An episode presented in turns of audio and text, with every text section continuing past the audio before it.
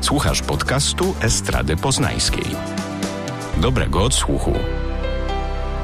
Dzień dobry Państwu, witamy w recapie piątego odcinka serialu Sukcesja, który ma tytuł Emerytowany dozorca z Idaho w reżyserii Kevina Breya. Tutaj z tej strony Kuba Wojtaszczyk, a po drugiej stronie mikrofonu ten, który zastanawia się, jak pozwać Greenpeace, Patrycjusz Tomaszewski. Dzisiaj się też przygotowałem. Cześć, z tej strony Pat Tomaszewski i ten, który chętnie potrzyma berło, Kuba Wojtaszczyk. Poproszę dać mi berło, tak, to ja. Nie spać, słuchać. Ekstra. Zapraszają Kuba i Patrycjusz. Dzień dobry w kolejnym specjalnym odcinku podcastu Nie spać, słuchać Ekstra. Chyba nie umiem po polsku wymówić ekstra, więc dlatego to robię po amerykańsku. Dzień dobry, Kubo. Przede wszystkim jest poniedziałkowy wieczór, ty już pewnie pod kocem albo nawet w piżamie. Jesteś po kolejnym odcinku sukcesji, jesteśmy na połówce sezonu. Jak się z tym czujesz? Bardzo dobrze się z tym czuję. To jeden z moich ulubionych odcinków, ponieważ cały odbywa się w jednym miejscu. Ja bardzo lubię y, w sukcesji, kiedy bohaterowie i bohaterki umiejscowieni są właśnie w jakiejś ciasnej przestrzeni i muszą ze sobą e, wchodzić w różne interakcje. No i w tym odcinku po prostu dostałem kwintesencję tego, ponieważ cały odbywa się na dorocznym zjeździe akcjonariuszy e, Waystar Royco, czyli firmy e, Rodziny Rojów. No i bohaterowie i bohaterki muszą działać, wiesz, i z jednej strony bardzo dobrze PR-owo, żeby wszyscy im przyklaskiwali, żeby mm, nie pokazać, że firma przechodzi jakiś kryzys. Mimo, że w mediach trąbią o tym kryzysie od oświadczenia Kena i wcześniej sytuacji z kongresem, ta firma nie miała dobrego dnia na giełdzie, wydaje mi się, od, Oczywiście. od początku tego serialu. No ale mniejsza z. Dlatego tym bardziej oni muszą po prostu grać e, i udawać, że wszystko jest w porządku. No, pamiętaj, że oni żyją w własnej bańce i po prostu y, dookoła świat ich nie dotyczy. Im dłużej oglądam sukcesję, tym bardziej myślę, że to jest opowieść tragiczna, niestety. I szczególnie patrząc na wątek Shiv w tym sezonie, mam wrażenie, że to jest taka tragedia, która zmierza do jakiegoś bardzo nieprzyjemnego końca, no bo ona się musi w końcu załamać. No generalnie ona poza Tomem nie ma oparcia w nikim z rodziny. Wszyscy nią gardzą. To, co ojciec z nią robi na końcu, to już jest, wydaje mi się, naprawdę jedna z gorszych rzeczy w tych trzech sezonach. A to dopiero początek. Co tu się dzieje z tymi bohaterkami i bohaterami? To prawda. To jest bardzo ciekawe, jak właśnie teraz opowiadałeś o Siwon. E, Ja o niej myślę trochę w taki sposób, bo krytycy i krytyczki zarzucali, i zarzucały e, sukcesji pierwszemu i drugiemu sezonowi, że Siwon jest taka niedookreślona, że ona często z odcinka na odcinek tak skakała z kwiatka na kwiatek. Raz była bardziej em, w stronę właśnie Logana, w stronę rodziny, chciała dbać o nią, a z drugiej strony w innych odcinkach była bardziej taka mm, tolerancyjna, czy bardziej zwrócona y, ku takiemu bezpiecznemu y, środkowi Ameryki, to znaczy pomiędzy republikanami a demokratami. I teraz przez to, że ona w tym sezonie przeszła tak zupełnie na stronę Logana, czyli na tą stronę taką prawicową, konserwatywną, pokazała swoje, swoją taką być może prawdziwą twarz, czy doszła do jakiegoś takiego konsensusu z samą sobą, że na tym najwięcej Tak, zyska. po prostu wybrała, nie? Tak. No i być może w pewnym momencie zorientuje się, że to był zły wybór i mogła się trzymać, nie wiem, jakichś swoich przekonań, ale z drugiej strony po prostu to pokazuje, że nawet taka bohaterka, z którą na początku y, widzowie i widzki najbardziej sympatyzowali, sympatyzowały, no nie do Tak, końca. moralnie jakoś nie, nie zniszczona Tak, jeszcze, nie? e, no jakby okazało się, że no taka nie jest, a taki zaczątek tego wszystkiego był w poprzednim sezonie, kiedy przekupywała mm, Tak, to było straszne. tak kobiety. Czy świetnie się oglądało, ale straszne z Tak. perspektywy tego, ej, pokładałem w tobie nadzieję, Siwon, naprawdę. Tak, no i jakby przekupywała kobietę, która była Ofiarą. ofiarą tak, ofiarą na statkach wycieczkowych Waystar Royco. I No faktycznie, jest to tragiczna postać, masz rację, absolutnie się z tobą zgadzam i ze sobą również. brawo. To, to może zacznijmy od, zacznijmy od tego, jak się rozpoczyna ten odcinek. A jak się rozpoczyna, bo już zapomniałem, mimo że oglądałem go godzinę temu, Jesteśmy tuż, o matko moja pamięć. czyli tak jak powiedzieliśmy, wchodzimy na spotkanie na, zje, na, na zjazd akcjonariuszy. Logan ledwo żyje, ponieważ w ostatnim odcinku, jak pamiętamy, u Adriana Brodiego, no, miał niezły sprint. Tak, I po- Nigdy nie idźcie na lunch do Adriana Brodiego. Tak. I w międzyczasie jeszcze widzimy w telewizji, że cały czas jest nagonka na obecnego prezydenta, co będzie bardzo istotne w późniejszej części tego odcinka. Po drugiej stronie barykady Kendall również się szykuje na ten zjazd akcjonariuszy, ale cały czas on jakby odłącz, jest odłączony od Logana i od całej rodziny. To znaczy sam działa, sam tam się snuje po prostu jak taki wampir nocą. To jest bardzo zabawne. I irytuje mnie niesamowicie. Jak Maxikas w Ciechocinku? Tak, to on. To jest właśnie on, Maxika z Ciechocinku. Jak wchodzi do pokoju do swoich współpracowniczek głównie i mówi hashtag resistance, hashtag e, opór, Ja wiem, to jest taki cringe. On jest bardziej cringe'owy niż Michael Scott w pierwszych odcinkach The Office i Ricky Gervais Tak. w pierwszych odcinkach brytyjskiego The Office. absolutnie. Nie byłem w stanie wytrzymać wszystkich rzeczy, które wychodzą z jego ust, a tym bardziej tej finałowej mowy przed akcjonariuszami. Do czego dojdziemy? Jesus. Tak, to było bardzo złe, ale to jest cały Kendall i to jest bardzo ciekawe, bo jak sobie recapuję mm, poprzednie sezony, rewatchuję sobie poprzednie sezony, to zauważam, jak zmienia mi się perspektywa y, patrzenia na Kendalla. To znaczy, w, w pierwszym sezonie jest, raczej z nim sympatyzujesz, w drugim najbardziej, a teraz po prostu wszystko się zmienia o 180 stopni, że ja go nienawidzę, nie mogę na niego patrzeć, nie mogę go słuchać. O, proszę. To też To jest sobie wyobraź, co własna rodzina o nim myśli. nawet nie muszę się domyślać, oni to mówią. e, ale to też siła Jeremiego Stronga, który potrafi wykrzesać z tej postaci takie emocje i em, tak, go, tak go ulepić, że inaczej oddziaływuje na widzu Wicki. To jest niesamowite, że ta postać faktycznie jest tak klejona. To jest wydmuszka i zagrać wydmuszkę jest niezwykle trudno. A jednak mamy tu do czynienia no, ze świetną e, aktorską prezentacją. Głównym wątkiem tego odcinka, oprócz tych PR-owych manewrów wśród akcjonariuszy i akcjonariuszek, jest dojście do porozumienia z Sandym e, i Stewim, czyli tymi takimi arcwrogami rojów, którzy, Nemesis. tak, którzy mają najwięcej akcji, czy najwięcej udziałów w tej firmie. No i do czego też doprowadził Ken w pierwszym sezonie. Stewie Hosseini. They want to meet. What do they know that we don't know? I mean, does this make sense? If we go to the vote, we're gonna lose a company today. Is there something that we can work out here? Czyli robią wszystko, żeby nie doszło do wrogiego przejęcia w firmie, bo jedyną alternatywą, jeżeli nie dogadają się z rodziną Sandiego, jest głos akcjonariuszy, głosowanie. A to głosowanie zawsze jest nieprzewidywalne. No i Logan, oczywiście jego główną odpowiedzią jest fuck off, że on sobie nie pozwoli, nie pozwoli sobie na to, żeby Sandy i jego córka Sandy, za, to, uwie- to uwielbiam, to jest najlepsze, ever, że będą mogli doprowadzić do upadku, niemal do upadku jego firmy, jego, jego, jego, jego dziecka najważniejszego. No i zastanawiałem się, jak to zrobić.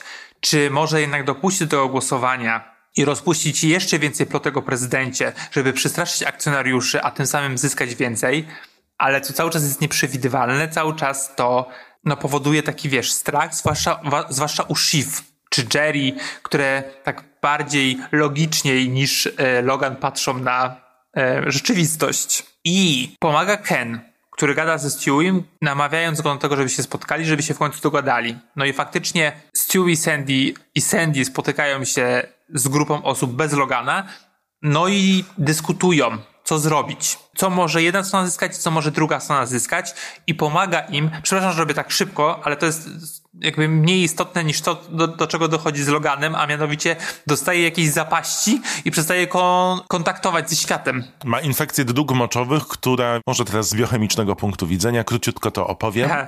Proszę otworzyć książki na stronie 343.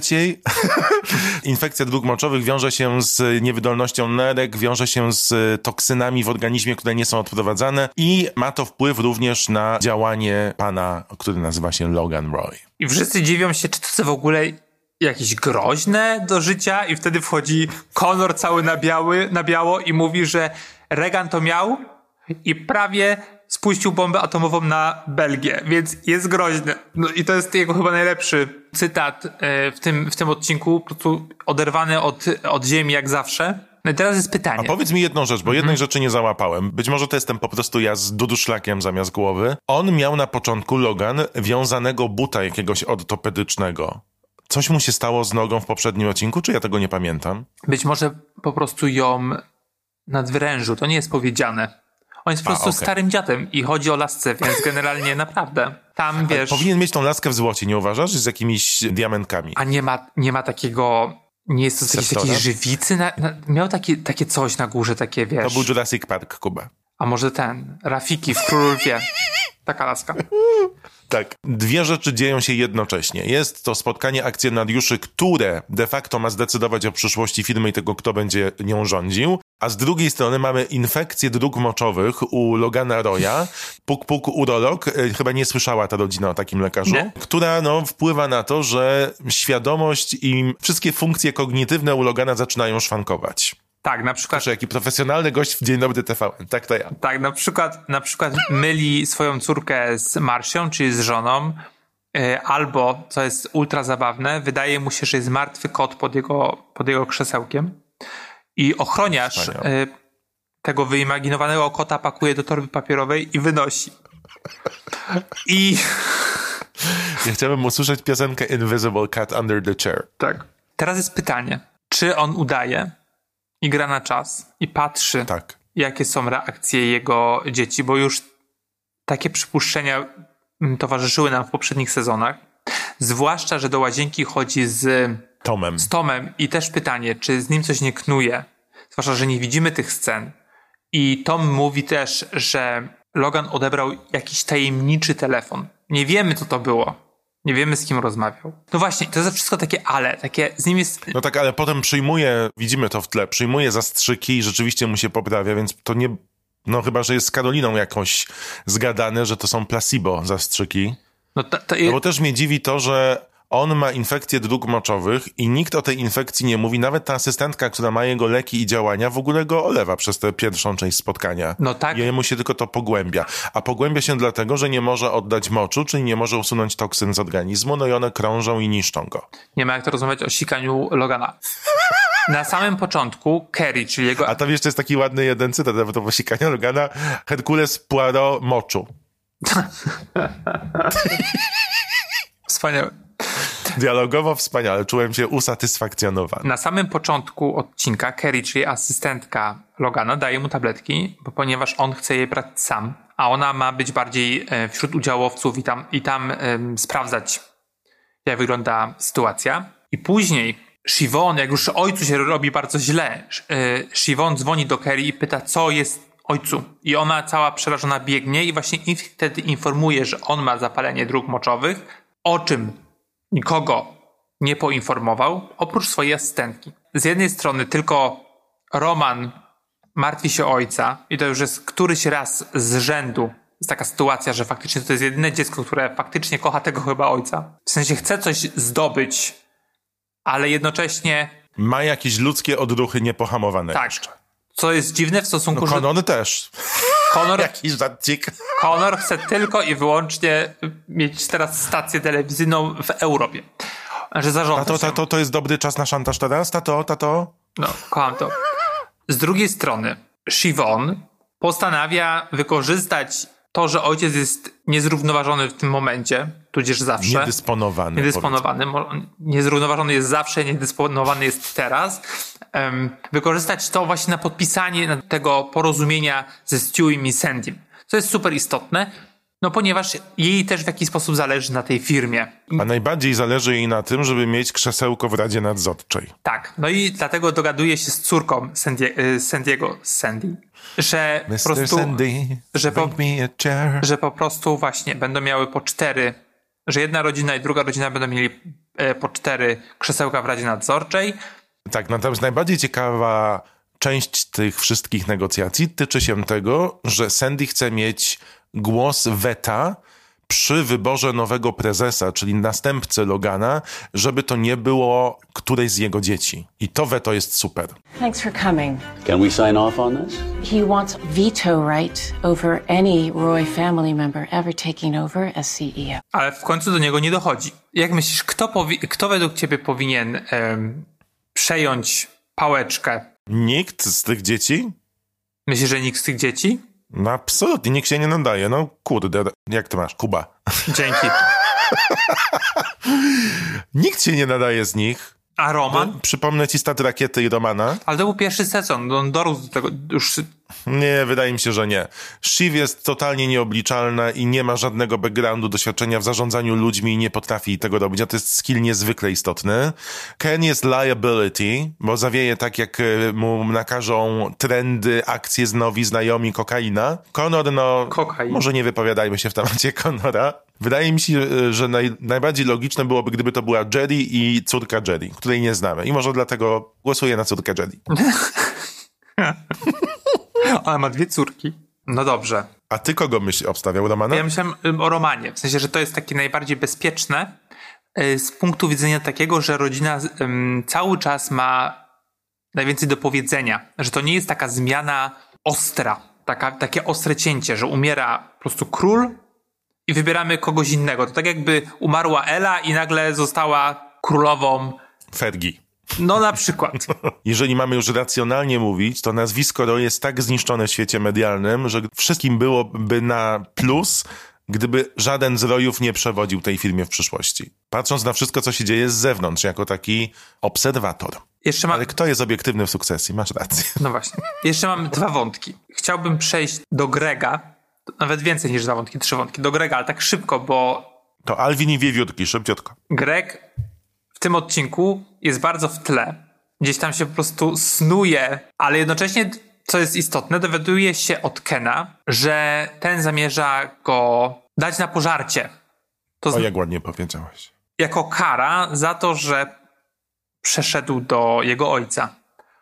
Tak, chcę go oddać FBI jako informatora, żeby oni przez niego pozyskali jeszcze większą szychę w śledztwie przeciwko Loganowi i tej firmie. Co być może wiąże się z tym, że również Greg, tak jak Tom, może trafić do więzienia, ponieważ wiedział o tych rzeczach, które działy się na y, jachtach. No on nie wiedział, ale on dotarł do dokumentów, które mogą być istotne dla każdej ze stron. Tak, ale on po prostu utrzymywał te dokumenty, w sensie wi- wiedzę o nich, bo zrobił kopię i po prostu traktował je jako swoją kartę przetargową, a nie jako rzecz, którą pasowałoby zgłosić. Zgłosić przestępstwo, po, po, po prostu i to, wiesz, nigdy nie zatajałem takich informacji, więc nie wiem, jak to ja wygląda. też nie znam prawa amerykańskiego, więc nie wiem, jak to działa. Aż tak mimo, że oglądałem Ali McBeal i Boston Legal. No, na pewno tam jest dużo prawdy w tym wszystkim.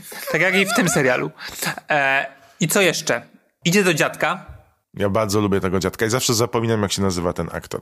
James Cromwell, o. Cromwell, o tak. Dziadek w złości, tak jak Ken zresztą, za to, że Greg przyszedł na, na stronę Logana, mówi mu, że nie stanie żadnych pieniędzy od niego po jego śmierci. Cała kasa idzie do Greenpeace'u. No i Greg przez cały odcinek zastanawia się, jak posądzić dziadka, ale w taki miły sposób, Żeby pokazać, że go kocha, ale jednocześnie wyciągnąć prawne konsekwencje. Tak. Więc jak dowiaduje się, że nie da się tego zrobić, postanawia pozwać Greenpeace. As you do. As you do. I Tom na to. Podoba mi się twój tok myślenia, Greg. To teraz co pozwiesz? Save the Children?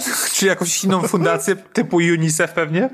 Bardzo zabawne. Ale zwróć uwagę, bo my się tak śmiejemy i robimy sobie takie hi hi hi ha ha hi ha haszki, ale to jest myślę, że bardzo decyzyjny odcinek dla Grega, bo zobacz, pod przykrywką uśmiechu, który zawsze mu towarzyszy, dowiaduje się, że a, może iść do więzienia, może być spalony przez Skena i traci całe zaplecze finansowe od swojego dziadka. Dwa czynniki determinujące jego jakąś stabilność życiową.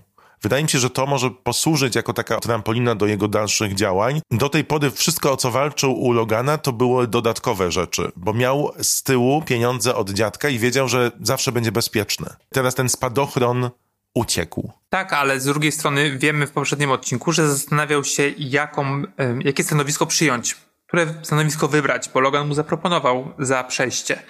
Więc generalnie będzie bardziej umoczony być może e, w firmie, ale mnie się wydaje, że cały czas ta postać w tym sezonie, że ona jest tak, tak właśnie trochę traktowana po macoszemu, ale jednocześnie on będzie takim właśnie czarnym koniem, że dzięki niemu coś się stanie na końcu, co będzie mega istotne dla albo dla Logana, albo dla Kena. I co jeszcze mnie zainteresowało, ewidentnym przegranym tego odcinka jest Ken, który snuje się jak ten wampir gdzieś po jakichś lochach i faktycznie część tego odcinka widzimy Kena gdzieś w jakichś piwnicach, nikt nie chce go widzieć, nikt się nim nie interesuje, jest taki porzucony. No i w pewnym momencie, jak już dochodzi do tego porozumienia z Sandym i Stewim, on się wkurza, że, że wygląda jak Little Bitch i nie może po prostu być na takim marginesie, więc wparowywuje na scenę i on po prostu czyta, czy tam wypowiada z pamięci nazwiska kobiet, które zostały wykorzystane seksualnie przez firmę jego ojca i ogłasza, że zakłada fundację na ich cześć. Co oczywiście... To akcjonariuszy w ogóle nie interesuje. To po pierwsze. Tak. Znowu podważa wizerunek filmu, o który tak bardzo walczyli w tym odcinku wszyscy, bo najważniejsza rzecz dla akcjonariuszy to wyczuć stabilizację w firmie, że warto inwestować pieniądze i że one będą przynosiły nadal rezultat, skutek i mnożyły się. Wystąpienie Kena było tylko dla Kena żeby się pokazać, żeby budować jakiś brand oparty na e, wydmuszkach kolejnych i nic nie wniosło akcjonariuszom, poza tym, że przyniosło wstyd rodzinie Logana, co wydaje mi się świetnie zostało pokazane w scenie kończącej ten odcinek, no bo przynieść wstyd przed tam rodziną to jest nicość, przed znajomymi to jest nicość, ale przed akcjonariuszami to już jest trochę za dużo dla Logana.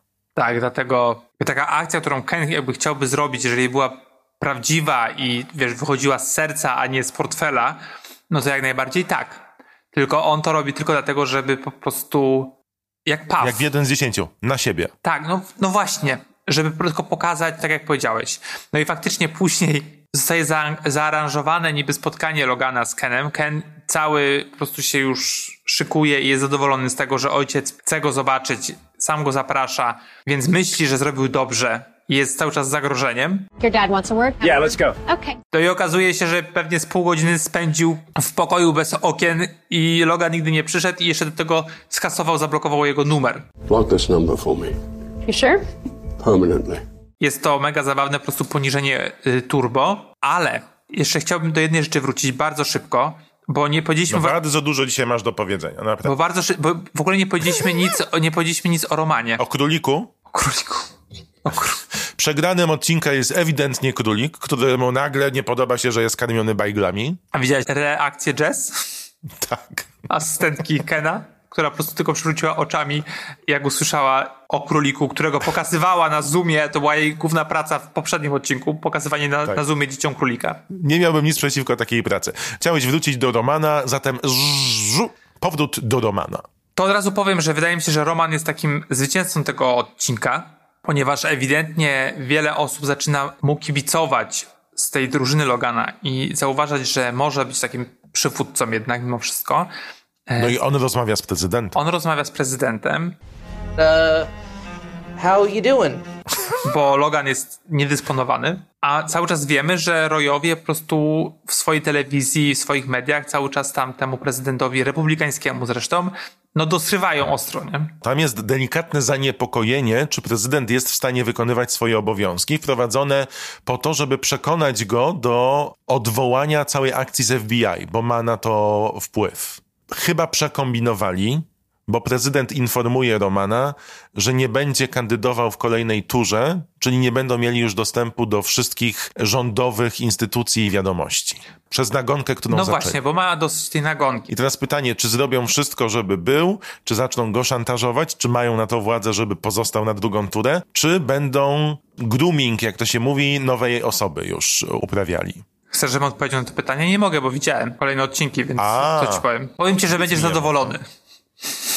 No to dobrze. jest dobra odpowiedź. To dla mnie... No to kto wygrał odcinek No, według ciebie? dla mnie wy, wygra, Roman. wygrał Roman, ponieważ jak on rozmawia z prezydentem, to faktycznie i Karolina, i Jerry tam wszyscy kiwają, że on faktycznie do, robi dobrą robotę, każdy się aż zdziwił. Tak, według mnie odcinek wygrał Adrian Brody, który odebrał paycheck, y, wypłatę za to, że usiadł na widowni i był pokazany przez 3 sekundy. Ja nie wiem, czy go nie dokleili komputerowo, bo w pewnym momencie mamy odcinki też pres, dla prasy i pewnym momencie, jak jest pokazanie na widownię, to pojawia się informacja, że tutaj będzie komputerowo dołączony crowd, nie? No bo jednak kręci, kręcili w pandemii, nie oszukujmy się. No ale tak czy siak, jest to wspaniałe ujęcie.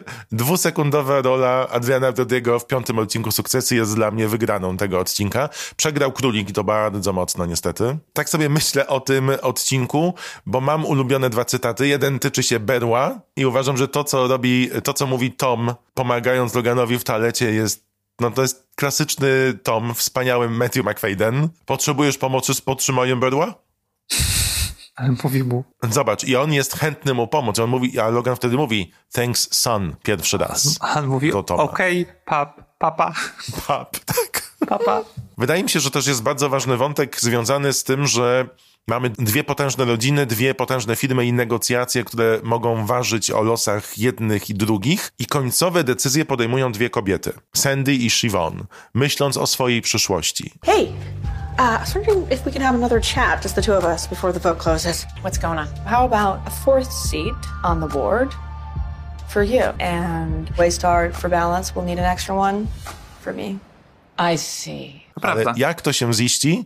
No, o tym zobaczymy, dowiemy się w kolejnych odcinkach. Dobrze, a jaka scena jest twoja ulubiona? Ta w toalecie No, właśnie? Wydaje, wydaje mi się, że tak, chociaż podoba mi się też ta scena, w której widzimy ten pokój konferencyjny, w którym wszyscy są i chyba świętują już wygraną i z tyłu widzimy Grega, który chce pozwać Greenpeace. Bardzo mi się podobało to przejście. Tak. Jest jakby odłączony zupełnie od, od tej całości. Ja bardzo lubię też tę scenę, a z tego względu, że po prostu Logan po raz kolejny poniża swoje dziecko. Znaczy, nie dlatego, ale jest to Siobhan, która zrobiła najwięcej, żeby dojść do porozumienia z Sandym i Stewiem. Uratowała rodzinę w firmie, bo tak to trzeba powiedzieć konkretnie. A ojciec- Logan mówi, Mhm. że zrobiłby coś innego, od razu już ją deprecjonuje. I jeszcze na nią wrzeszczy, że mu truje, czy tam jakby zakłóca mu Tak. spokój. Ja- Jakby miała 6 lat znowu, nie? Stop buzzing in my fucking ear! I to jest taka mocna scena, to znaczy po, poniżająca z tego względu, że ponownie poniża swoje dziecko i jeszcze pamiętam bodajże w drugim odcinku, tak, w drugim odcinku uderza z dłoni otwartej e, Romana. I to jest bardzo podobna scena, że też ewidentnie ta przemoc w rodzinie była tam ostra. To jest straszne. Tak, i robi się gę, gęsto, że to wszystko jest, wiesz, śmiech trochę przez łzy i robi się tak gęsto wokół, e, wokół całej rodziny, że teraz mimo że te chmury dookoła się odsuwają, te wszystkie właśnie problemy, bo już jest ta ugoda i ci akcjonariusze są pewnie spokojniejsi, to jednak wewnątrz znowu jest jakiś taki tygiel, taki jeszcze bardziej zaawansowany niż był wcześniej. Tak. I trzy uwagi. Pierwsza, w kontekście tempa sezonu, znowu mamy bardzo dużo rzeczy dziejących się w małym relatywnie odstępie czasu w jednym miejscu, czyli nie pchamy do przodu bardzo akcji. Druga uwaga, w ogóle nie powiedzieliśmy nic o tym, jak Tom śledzi kalendarzyk Shiv i chce mieć dziecko, żeby Shiv nie była samotna, jak on będzie w więzieniu. Tak, to jest bardzo creepy i ona też to tak odbiera. I trzecia rzecz, akcjonariusze. Co robili przez cały odcinek? Siedzieli w jednym miejscu. Biedni akcjonariusze tam siedzą i który, kto z nich w ogóle wierzy w to, co mówi Frank? Oni czekali na oświadczenie. Oświadczenie przyszło, pieniądze są bezpieczne, nic się nie dzieje z firmą, więc e, pieniądze będą się przelewały. To jest dla nich najważniejsze. Money, money, money. No ciekawe. Ja bym potrzebował takiego głosu jeszcze, żeby na przykład właśnie Adrian Brody wstał i powiedział, ale halo. Albo bullshit. Byłem w, przecież na mojej wyspie wspaniałej, jadłem tam lunch w jakimś lesie. Gubiłem się. Skupiłem się, chociaż to moje. Miało być inaczej. Tak. Gdzie jest Logan? Ja bym takie zrobił tam. No bo oni przyszli tam porozmawiać, posłuchać jego wystąpienia i nagle zobaczyli tylko jednego Roya, nie? I to jeszcze Kena. I to jeszcze Kena. A wy możecie zobaczyć kolejny odcinek Sukcesji na HBO Go. W Polsce w telewizji naziemnej zawsze w poniedziałki, a wieczorami w poniedziałki recapujemy z Kubą w Nie Spać Słuchać Ekstra. Dzięki. Trzeba się pożegnać, jakbyś prowadził takie shareholder meeting, spotkanie akcjonariuszy, jak Jerry. Przez 30 For lat. new journey, but the same road, chyba, coś takiego. A, no zasadzie, tak. że wszystko no. się zmieni, ale robimy to samo. No. I my też robimy to samo za tydzień. Pa! Pa. Producentem podcastu jest Estrada Poznańska. Więcej na estrada.poznan.pl